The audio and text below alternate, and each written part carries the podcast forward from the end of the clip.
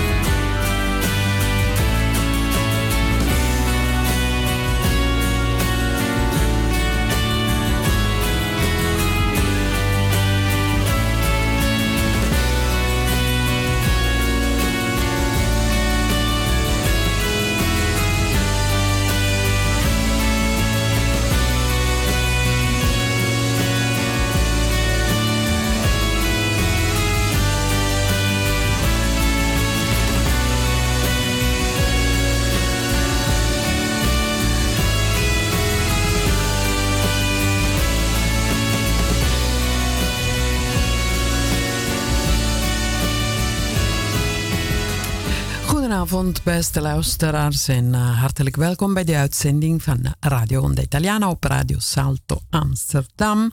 Dit is Voice of the Town en we beginnen met een, uh, uit, een uh, uit een bijdrage van Carla Peters. Carla Peters is een um, immunoloog. Ze heeft een doktersgraad immunologie aan de medische faculteit Utrecht. Zij studeerde moleculaire wetenschappen aan de Wageningen Universiteit. En uh, uit haar stuk uh, lees ik dat meer dan 27.000 zorgmedewerkers hebben de zorg de afgelopen anderhalf jaar verlaten. En zij zegt niet het aantal besmettingen, maar het gebrek aan zorgpersoneel is ons grootste probleem. De logica achter het coronapasbeleid ontbreekt ook volkomen. Ja, Van Dissel zei op 3 november tijdens de briefing in de Tweede Kamer dat de vaccins in afnemende mate bescherming bieden voor infecties. Dit is volgens hem van 75% teruggelopen naar 50%. Overdracht door gevaccineerden is volgens zijn briefing ook mogelijk. Vanaf augustus is maandelijks het percentage positief getesten onder de gevaccineerden toegenomen. In de maand oktober was dat 44 procent. Echter, mensen die over een coronapas beschikken door vaccinatie of door het doormaken van een infectie, tot 12 maanden na herstel beoordeeld door een positieve test van de GGD, kunnen ondanks een positieve test toch het groene vinkje behouden. Meer dan 27.000 zorgmedewerkers hebben de zorg de afgelopen anderhalf jaar verlaten. Het werkelijke probleem wordt echter niet benoemd. Het grote tekort aan zorgpersoneel. Meer dan 27.000 zorgmedewerkers hebben de zorg de afgelopen anderhalf jaar verlaten. Wat de reden is van deze leegloop, wordt niet duidelijk gemaakt door minister De Jonge. Uit onderzoek blijkt dat het aantal zorgprofessionals jonger dan 45 jaar in één jaar van 45% gedaald is naar 40%. In december 2019 eh, riep de Wereldgezondheidsorganisatie alle G20-leiders op om zich in te zetten om voldoende goede zorg te kunnen blijven leveren door het perspectief van vrouwen in het zorgverleningsproces van ontwerp tot uitvoering meer ruimte te geven. Deze cruciale rol dreigt anders verloren te gaan, waardoor het zorgresultaat minder is. Ook Nederland gaf gehoor aan deze oproep. Toch zijn de cijfers, zoals ik hierboven, zoals ik die hierboven heb geschikt, schrikbarend. De zorgvraag stijgt al jaren. Dit komt niet alleen door de vergrijzing, maar ook omdat we langer leven met steeds meer ongezonde jaren. Daarom is het de, des te opmerkelijker dat er maanden een discussie voor salarisverhoging voor zorgpersoneel en een zorgbonus heeft gespeeld, terwijl het besluit om miljarden uit te geven aan kostbare, niet eerder in de historie vertoonde maatregelen als mondkapjes en testsamenleving en een lockdown direct werden genomen. Het afgelopen jaar is het IC-personeel met circa 200 verpleegkundigen afgenomen, waardoor niet alle beschikbare IC-bedden bezet konden worden. Eerdere moties van Kamerleden voor uitbreiding van de IC-capaciteit, omdat Nederland veel zorgcapaciteit heeft wegbezuinigd, werden niet aangenomen. Het ziekteverzuim onder zorgmedewerkers is van 5% gestegen naar 10%, waarvan velen in het langdurig verzuim.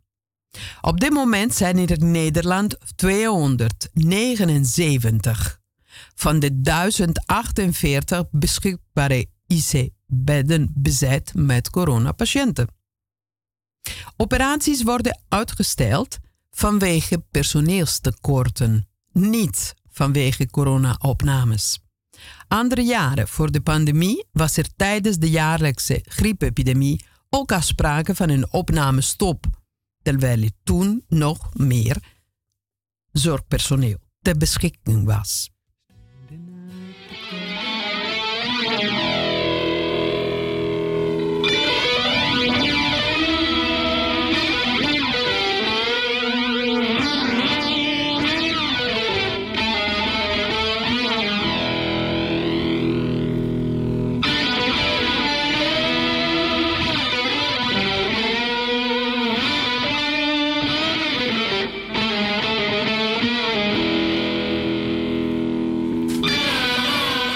Tekort aan zorgpersoneel heeft zijn weerslag op de samenleving.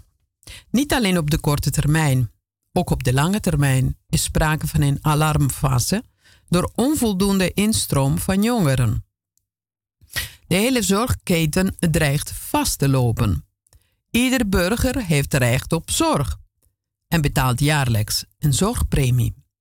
Vanwege het tekort aan zorgpersoneel kan een zorgmedewerker die ziek is wel opgeroepen worden om te komen werken. Opmerkelijk, want ziekenhuizen en verpleeghuizen zijn omgevingen met een hoge infectiedruk. Veel mensen met een verzwakt immuunsysteem zijn daar bijeen. Vanaf 6 november vraagt de overheid naar een coronapas voor het bijwonen van sportevenementen in de buitenlucht. De kans op besmetting in de buitenlucht is zeer klein.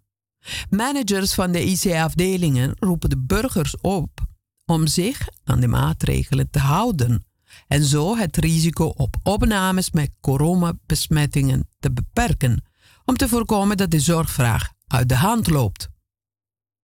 Zes dagen na implementatie worden nieuwe maatregelen geëvalueerd. Nu al is bekend dat vanaf 12 november verdere aanscherping van de coronapas wordt verwacht, inmiddels is er al. Er wordt gespeculeerd om een coronapas op het werk in te voeren. Er wordt over 2G-systeem ook gesproken. Bestuurders van Nationale Nederlanden, Liesplein en Unilever geven aan dat zij verwachten dat personeel zich laat vaccineren. Ziekenhuisbestuurders hebben al laten weten hierin niet mee te gaan. Niet voor de patiënt en niet voor de medewerkers. Het wel invoeren van de coronapas zou wel eens een nog groter tekort aan zorgpersoneel en het langdurig wegblijven van patiënten kunnen bewerkstelligen, waardoor de bedrijfsvoering voor ziekenhuizen onmogelijk wordt. Ongevaccineerden, mensen met overgewicht of mensen die roken, krijgen de schuld, omdat dit het risico op COVID kan verhogen of tot ziekenhuisopname kan leiden polarisatie krijgt de overhand.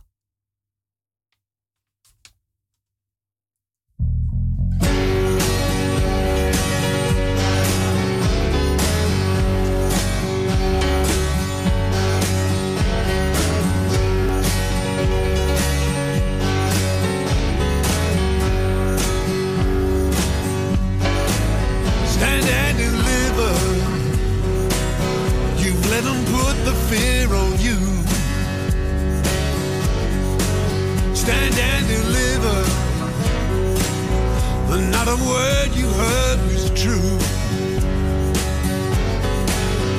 And if there's nothing you can say, there may be nothing you can do.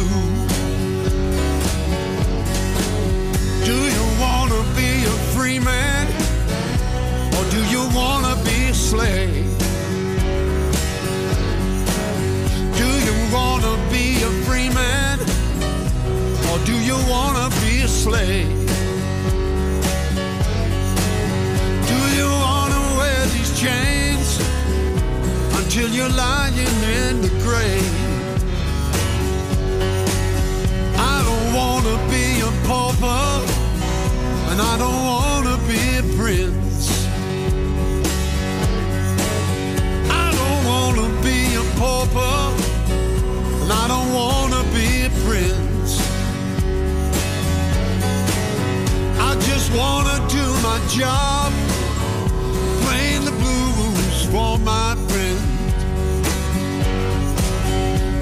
blues for my the Rights, the Constitution, what's it worth? You know they're gonna grind us down uh, until it really hurts. Is this a sovereign nation or just a police state?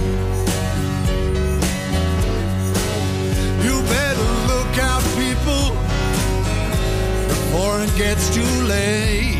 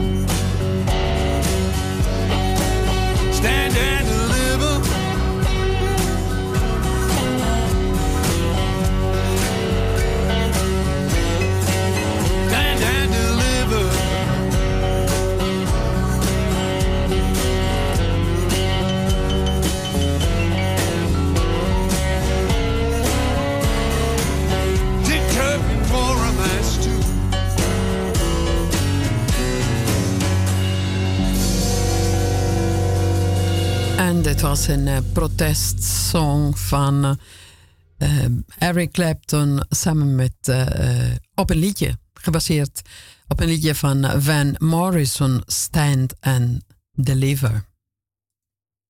En we gaan nog even verder met het stuk van Carla Peters. Carla Peters is immunoloog. Ze heeft een uh, doctoraals uh, doktersgraad immunologie aan de medische faculteit uh, Utrecht.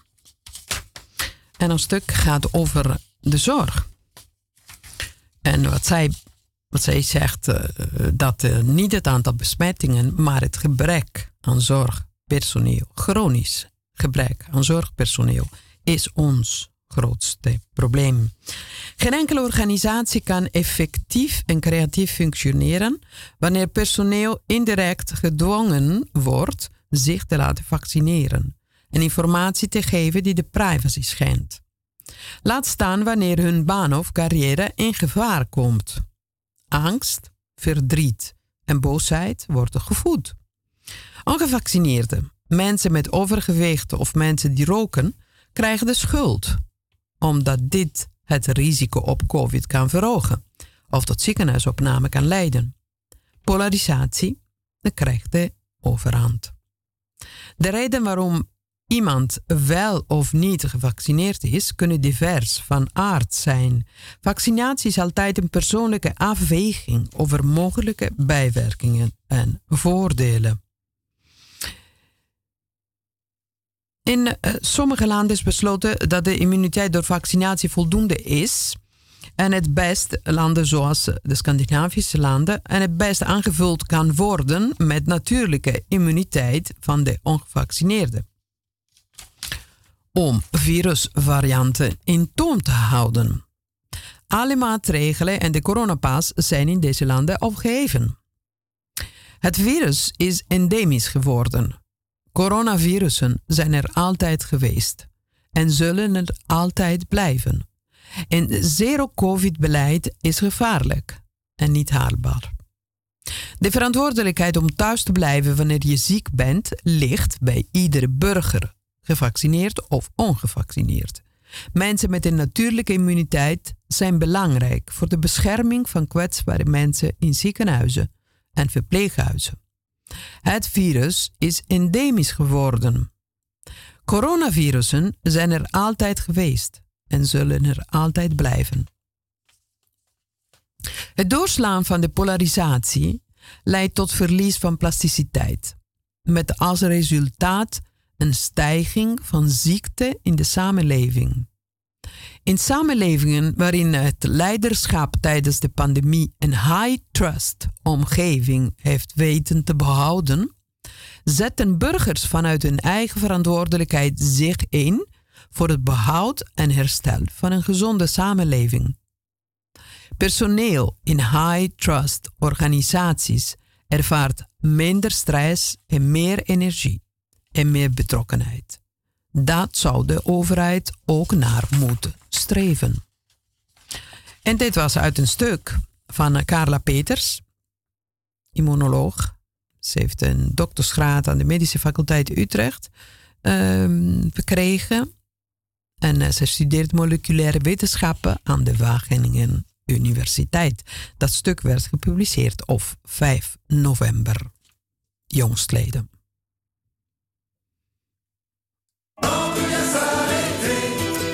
En uh, nu gaan Kadadi, Moi, Toi et Moi, Ma Liberté.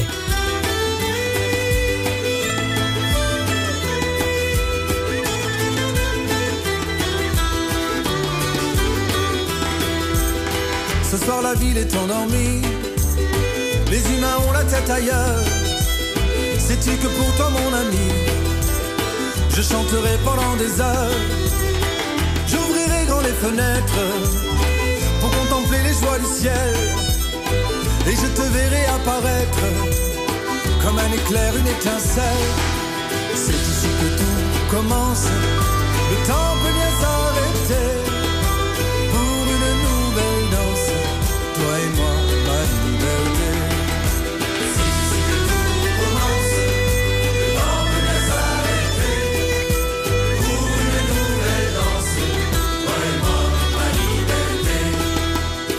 Derrière les murs et les façades et les discours de circonstance, quelques imprudences évadent, s'affranchissant des convenances. Et les voilà qui nous rejoignent, comme dans un grand bal populaire. Sens-tu nos peines qui s'éloignent Demain sera plus beau qu'hier. C'est ici que tout commence.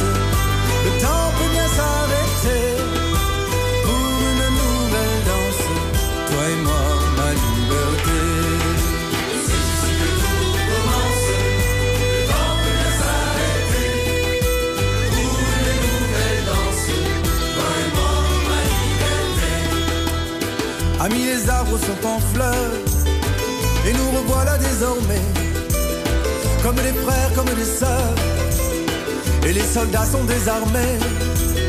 Nous dansons pieds nus sur la terre sur le toit du monde. Nos âmes qui voguent au grand air sont sur la même longueur d'onde.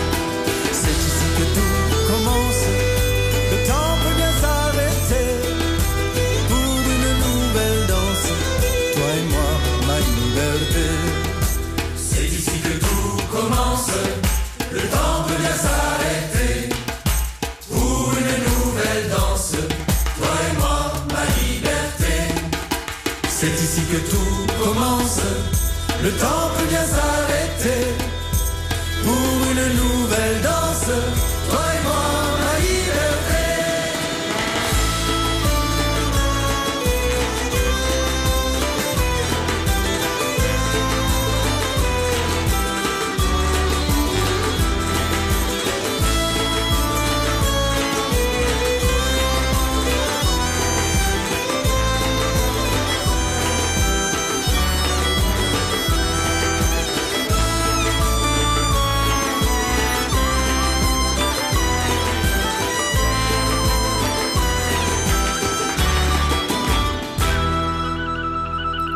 En dat was Kadura Dadi in uh, Toi, moi, ma liberté. En nu wil ik uh, uh, iets uit een stuk uit een publicatie lezen van Peter Borger. Peter Borger is um, MSc Biologie. Uh, PhD medische wetenschappen. Hij werkte van 1993 tot 2019 voor verschillende onderzoeksinstituten, waaronder de Rijksuniversiteit Groningen, de Universiteit van Sydney in Australië en de Universiteiten van Basel en Zurich, Zwitserland. Peter Borger is een expert op het gebied van moleculaire genetica, genregulatie, netwerken en moleculaire evolutie.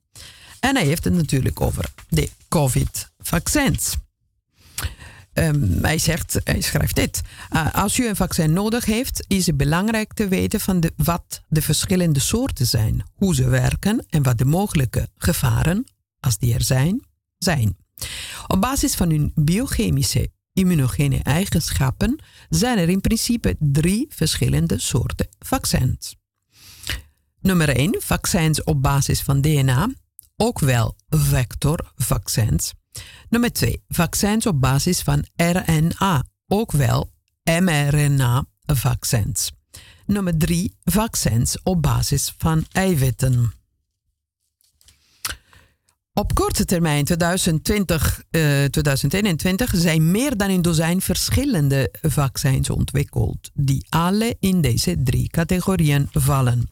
De belangrijkste vaccins op basis van DNA zijn Janssen, Johnson Johnson, AstraZeneca, de naam van, de, uh, van het vaccin is Vaxzevria en Sputnik, dat is het Russisch vaccin. Vaccins op basis van RNA zijn Moderna, Moderna en Pfizer Bio, BioNTech.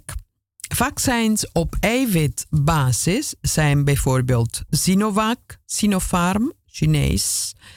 En uh, Novavax is een Amerikaans, uh, Sanofi is een Franse en Valneva, Oostenrijkisch, Frans. Frans. Er zijn momenteel twee DNA-vaccins goedgekeurd in de EU en Zwitserland. Vaxzevria van AstraZeneca en COVID-19-vaccin van Johnson Johnson. Er zijn momenteel twee mRNA-vaccins goedgekeurd in de EU, Zwitserland, Comirnaty van BioNTech Pfizer en het vaccin Spikevax, vaccin Modern, Moderna van Moderna. Momenteel zijn er geen vaccins op basis van proteïne goedgekeurd in de Europese Unie Zwitserland. Moet je voorzichtig zijn. De DNA- en RNA-vaccins zijn gebaseerd op nieuwe technologieën. Bij nieuwe technologieën en vooral bij nieuwe geneesmiddelen is het vaak zo dat schadelijke bijwerkingen pas veel later worden ontdekt. De bijwerkingen op korte termijn zijn al goed gedocumenteerd.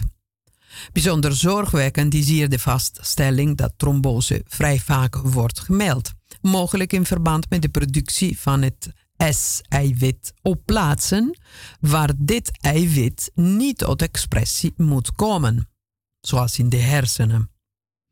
Ook bijwerkingen op lange termijn kunnen niet worden uitgesloten.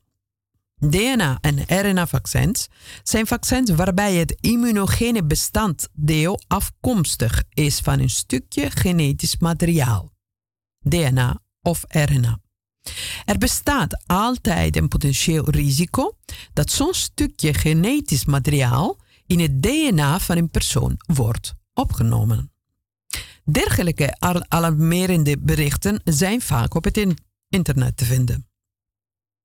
De meeste officiële informatiewebsites gaan ervan uit dat DNA- en RNA-vaccins volkomen veilig zijn. Op de, op eh, de Duitse RKI-website, waar ook het RIVM haar informatie haalt, staat bijvoorbeeld dat er geen bewijs is dat een DNA-vectorvaccin in het genoom kan worden geïntegreerd. En hij geeft ook alle bronnen, uiteraard, van wat hij uh, zegt. Er zijn verschillende bestanddelen van vaccins die moeten worden onderzocht voordat zij aan mensen worden toegediend. Ten eerste het omhulsel waarin de immunogene verbinding, DNA, RNA of eiwit, is verpakt. Voor DNA-vaccins bestaat het omhulsel gewoonlijk uit een adenovirus. RNA-vaccins worden verpakt in een kunstmatig liposoom en vetachtig membranen. Vaccins op basis van eiwitten hoeven daarentegen niet te worden verpakt. Ten tweede moet de immunogene verbinding zelf, DNA, RNA of eiwit, worden gescreend op mogelijke bijwerkingen. Ten derde bevatten alle vaccins extra bestanddelen adjuvantia om de immuunrespons te versterken, die ook moeten worden onderzocht. Er zijn verschillende studies verricht naar de accumulatie van omhulsels van vaccinverpakkingen in diermodellen, waarbij accumulatie ervan in het bijnmerg en de eierstokken is aangetoond. En hij laat ook een, een, een foto zien van uh, hiervan, van deze accumulatie. Uit een recente Japanse studie is gebleken dat het mRNA-vaccin van Pfizer-BioNTech zich ook in de eierstokken ophoopt. Hij geeft daarin figuren van. Wij weten niet waarom dit gebeurt en of het een biologische betekenis heeft, aangezien het nog niet voldoende is onderzocht. We weten alleen dat dit gebeurt. Zijn DNA- en RNA-vaccins geen therapie? In de sociale media wordt vaak geschreven dat DNA- en RNA-vaccins geen therapieën zijn. In zekere zin is dat waar. Maar er moet hier een duidelijk onderscheid worden aangebracht tussen DNA- en RNA-vaccins. DNA-vaccins op basis van adenovirussen werden oorspronkelijk ontwikkeld als gentherapieën voor de behandeling van kanker. Dit onderzoek werd grotendeels stopgezet omdat de adenovirussen niet vaak genoeg integreren met het DNA. Bij de behandeling van kanker is dat het doel van DNA-vaccinatie. Uit onderzoek blijkt echter dat adenovirussen adenovirusvectoren in het DNA van 1 op 1000 cellen worden geïntegreerd. Er bestaat dus een zeker risico dat een DNA-vectorvaccin in het genoom wordt geïntegreerd. Er is dit gebied, op dit gebied momenteel geen informatie beschikbaar over, het, over de DNA-vaccins die tegen COVID zijn ontwikkeld. Maar je mag niet zeggen of aannemen dat dit niet zal gebeuren omdat dit niet is onderzocht. Het zou juist wel moeten worden onderzocht. RNA-vaccins werden niet ontwikkeld als gentherapie, maar is een nieuwe methode om supersnel vaccins te kunnen maken. De vraag is echter bestaat er ook een risico dat een RNA-vaccin wordt geïntegreerd in een menselijk genoom DNA? Weinig mensen weten dat er in het menselijk genoom enkele duizenden genen zijn die coderen voor het enzym reverse transcriptase. Een enzym dat de RNA kan omzetten in DNA. Om dit te begrijpen, moeten wij het menselijk genoom van dichtbij bekijken. Ongeveer 50% van het menselijk genoom bestaat uit sequenties die transponeerbare en getransponeerde elementen worden genoemd. De belangrijkste daarvan zijn de zogenaamde lines.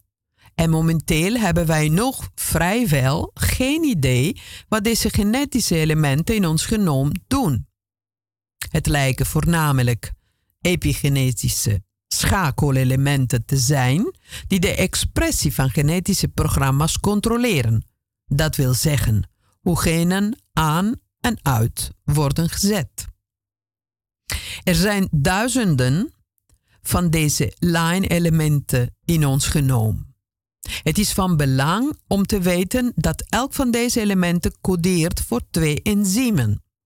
Reverse transcriptase, afgekort RT, en de endonuclease integrase, afgekort IINT.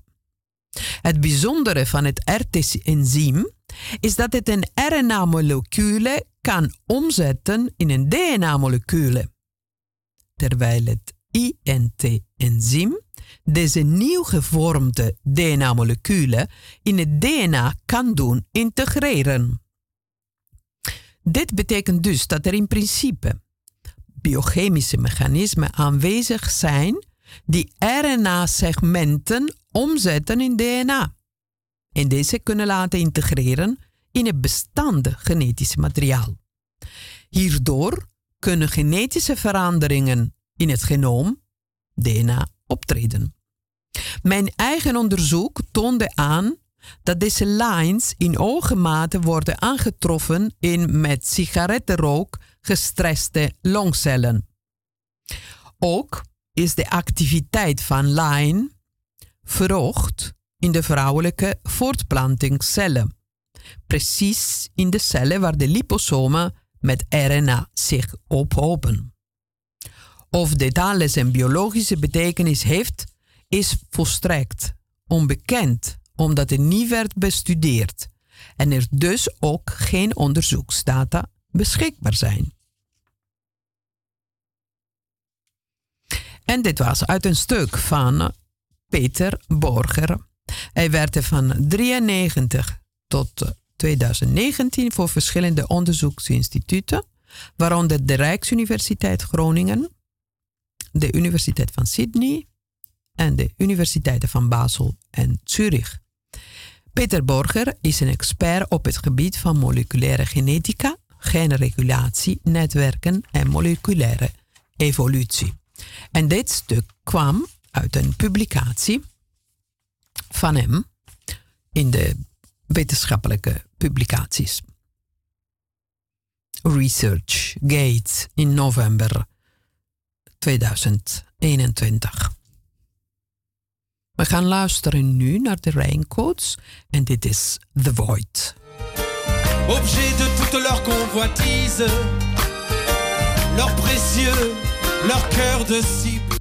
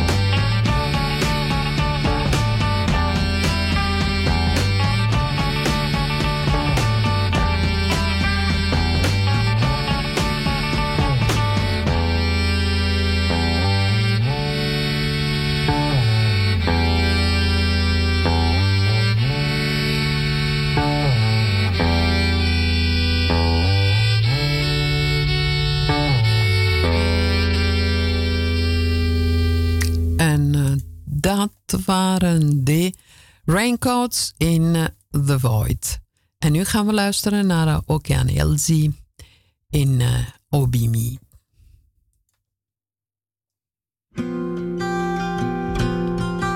Het is een Oekraïense band.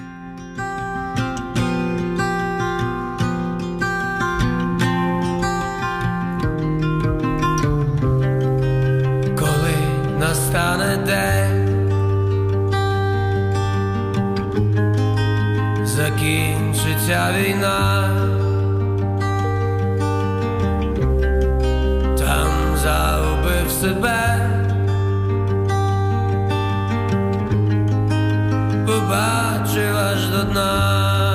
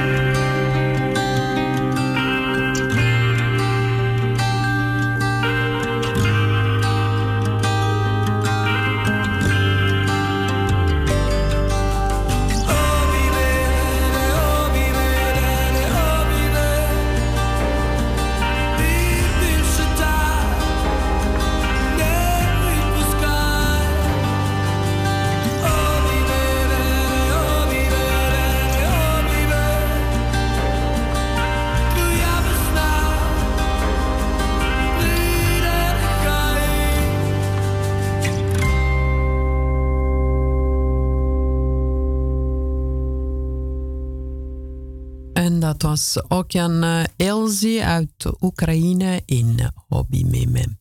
Hold Me. En nu gaan we luisteren naar uh, Makam in eh, Magnificat.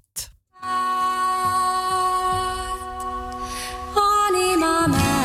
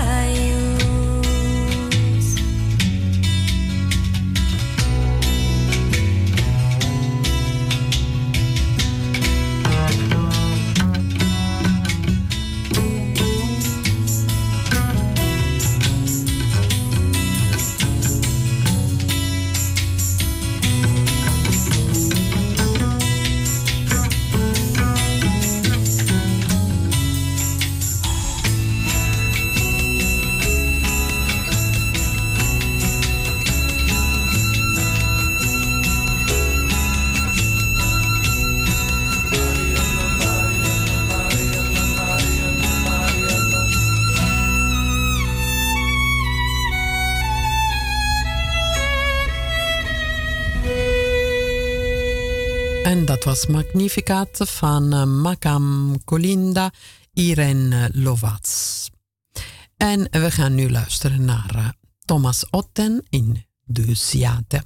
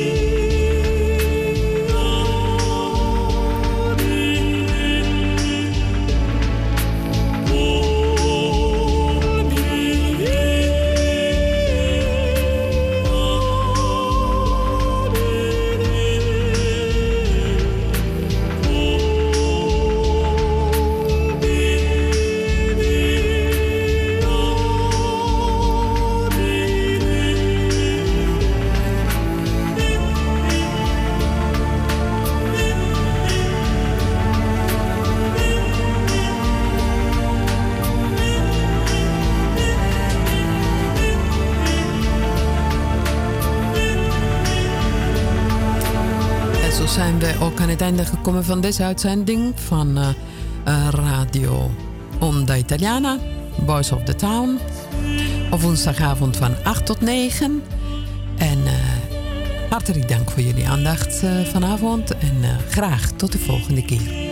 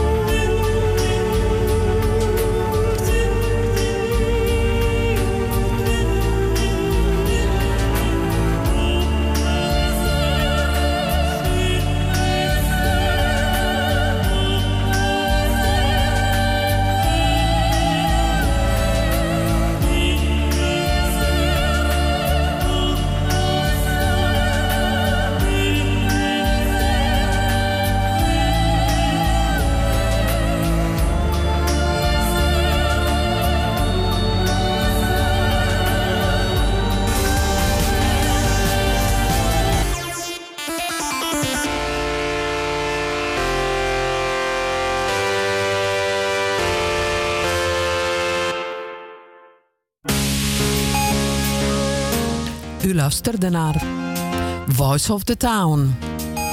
Een programma van Radio Onda Italiana op Radio Salto Amsterdam. Op woensdagavond van 8 tot 9. Tot de volgende keer.